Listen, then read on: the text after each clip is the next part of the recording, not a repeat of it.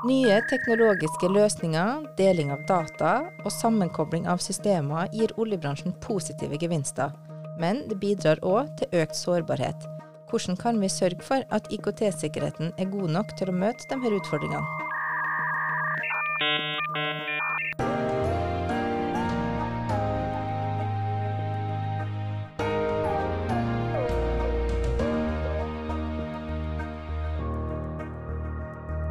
Velkommen til podkast. I dag har vi med oss Asbjørn Ueland eh, fra Petil.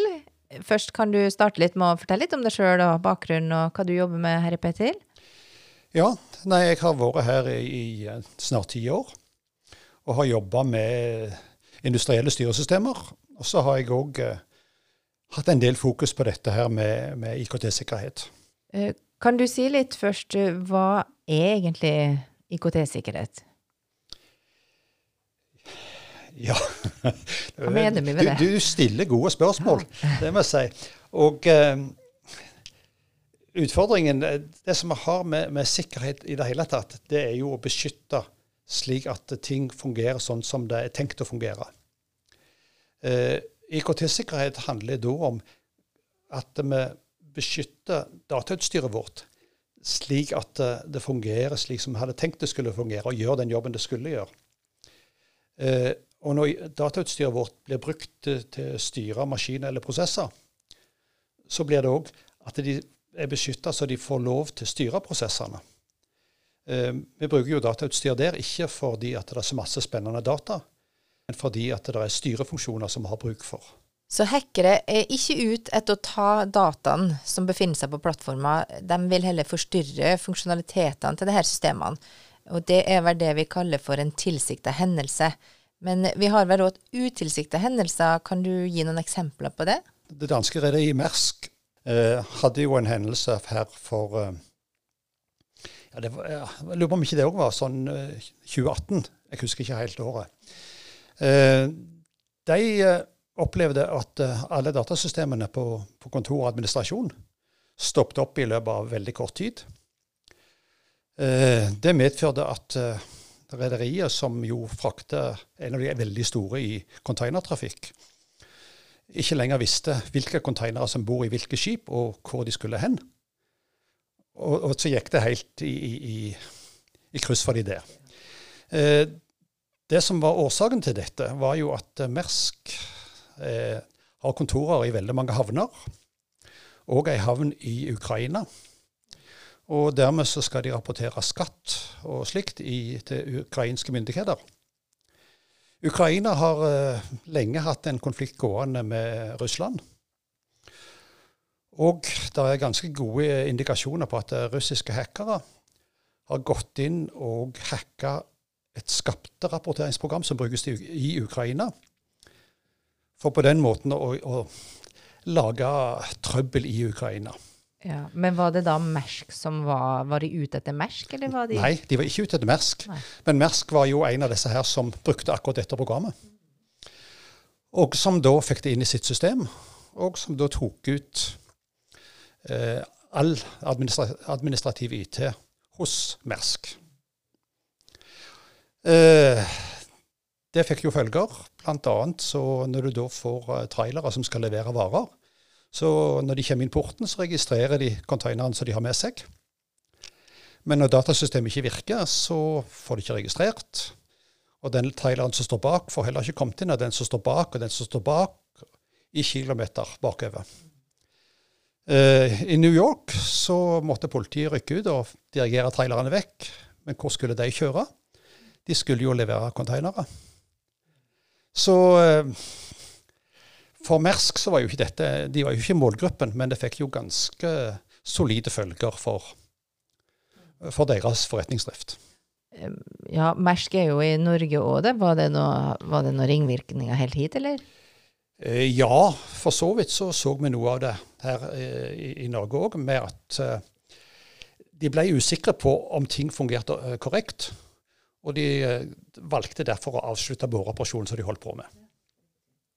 Og En sånn liten digresjon der, det er jo at når hovedkontoret gikk ned og skulle varsle riggene om eh, denne hendelsen, så så de etter i telefonlista, som jo lå på den PC-en, som ikke lenger var tilgjengelig.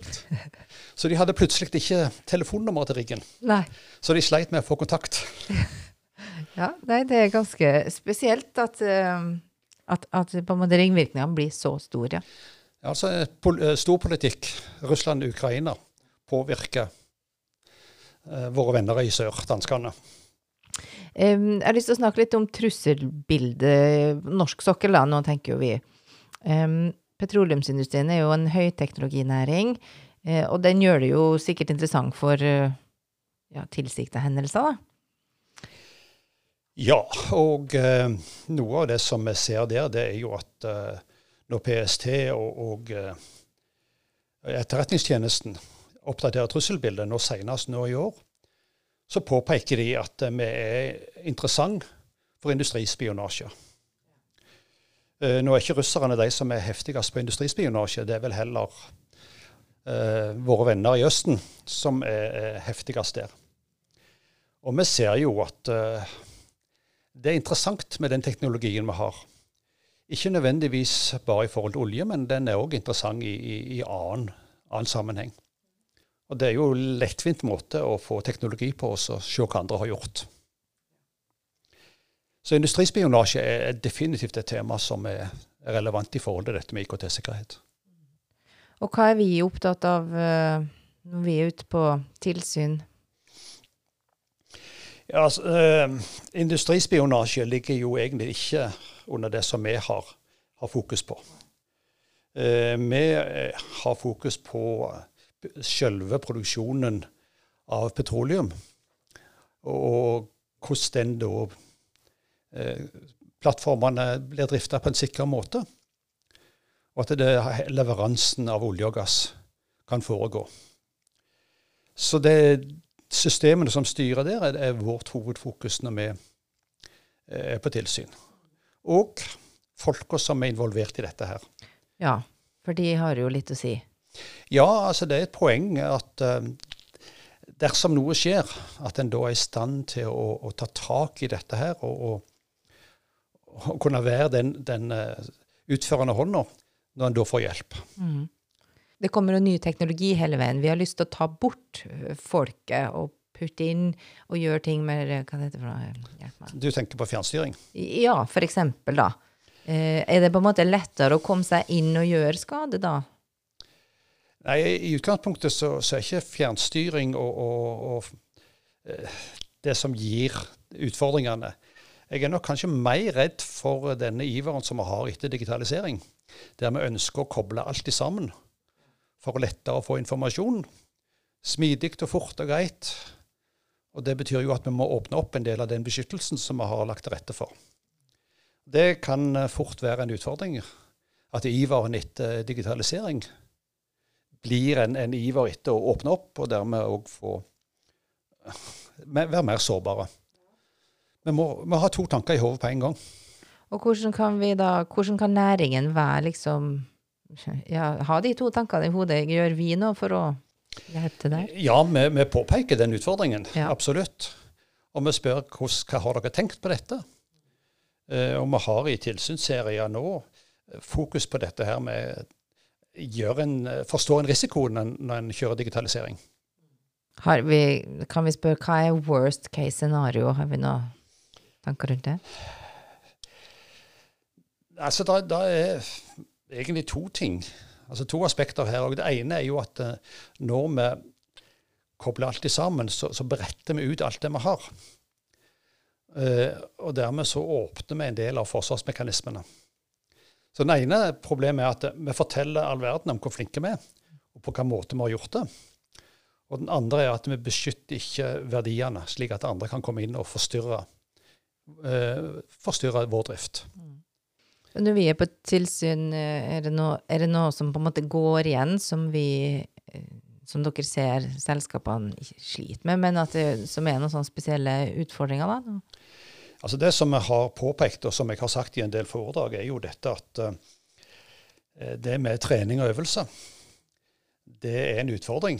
Det ene er at hvis du ikke har trent på forhånd, så blir det ganske kinkig når du plutselig er i en øvelse. Og det andre er at hvis du ikke blir involvert i øvelsen, men bare blir spilt, så får du ikke noe trening i å håndtere det. Det tredje i dette med øvelse er at eh, hvordan snakker du sammen med, med, de som kan være med å hjelpe deg i, i leverandørkjeden, hvis du aldri har jobba på dette her og prøvd dette ut, og vet du kan, hvem du skal snakke med, og hvordan du kan håndtere dette. Det er nok en, en ting som vi, vi, ser en del, til, del av. Det andre, som du vel for så vidt var litt inne på her tidligere, næringen har jo holdt på lenge, og vi har en del utstyr som eh, begynner å gå ut på dato. Vi finner en del utstyr som har gått ut på dato. Eh, det som vi kjenner fra PC-verdenen, er jo Nå kjører vi Windows 10. Men eh, det er en del som bruker Windows 7. Vi husker kanskje noe som heter Windows XP. Og det er en stund siden, Windows, nei, siden uh, Microsoft sa at uh, nå supporterer vi ikke den lenger. Det betyr at når det oppdages nye sårbarheter, så er det ikke noen fiks for å beskytte seg mot den.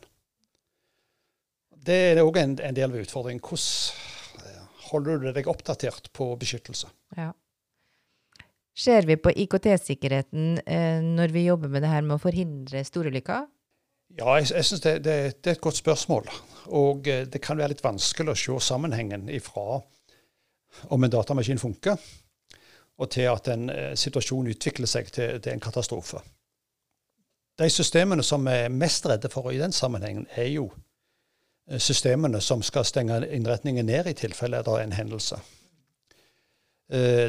Derfor har vi òg i vår regulering konkrete krav om at systemene skal ikke kunne påvirkes negativt eh, dersom de kobles til andre systemer. Og akkurat den, den koblingen der er noe av det som vi utfordrer næringen på når vi er på tilsyn. Eh, ikke fordi at vi, vi ser at med en gang det er en åpning, så vil dette resultere i en stor ulykke. Men eh, det er et viss fare for at en, en, når en tukler med systemet, så kan det gi. Eh, det er et eksempel på dette i, i, i petroleumsindustrien i, i, Saudi. Der noen var inne og tukla, eller la inn programvare for å tukle med et beskyttelsessystem på en sånn måte at det skulle gå i en farlig tilstand. Og dermed kunne være eh, fare for, for, både verdier og for mennesker. Så vi har sett det, at det er, det er sånne tilfeller. Ikke mange, og ikke som jeg kjenner til i Norge.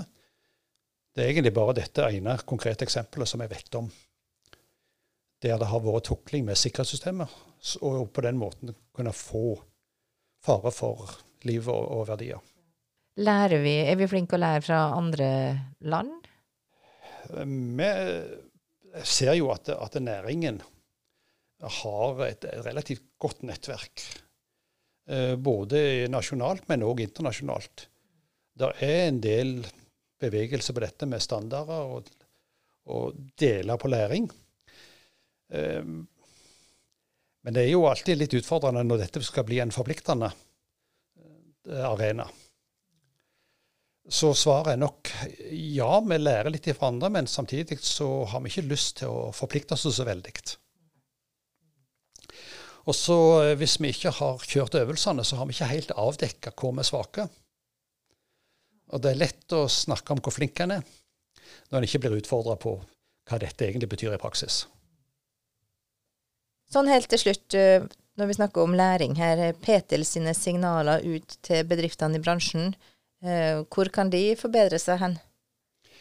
Ja, Det som jeg eh, sier og har lyst til å påpeke, er jo at to ting, eller to områder kanskje.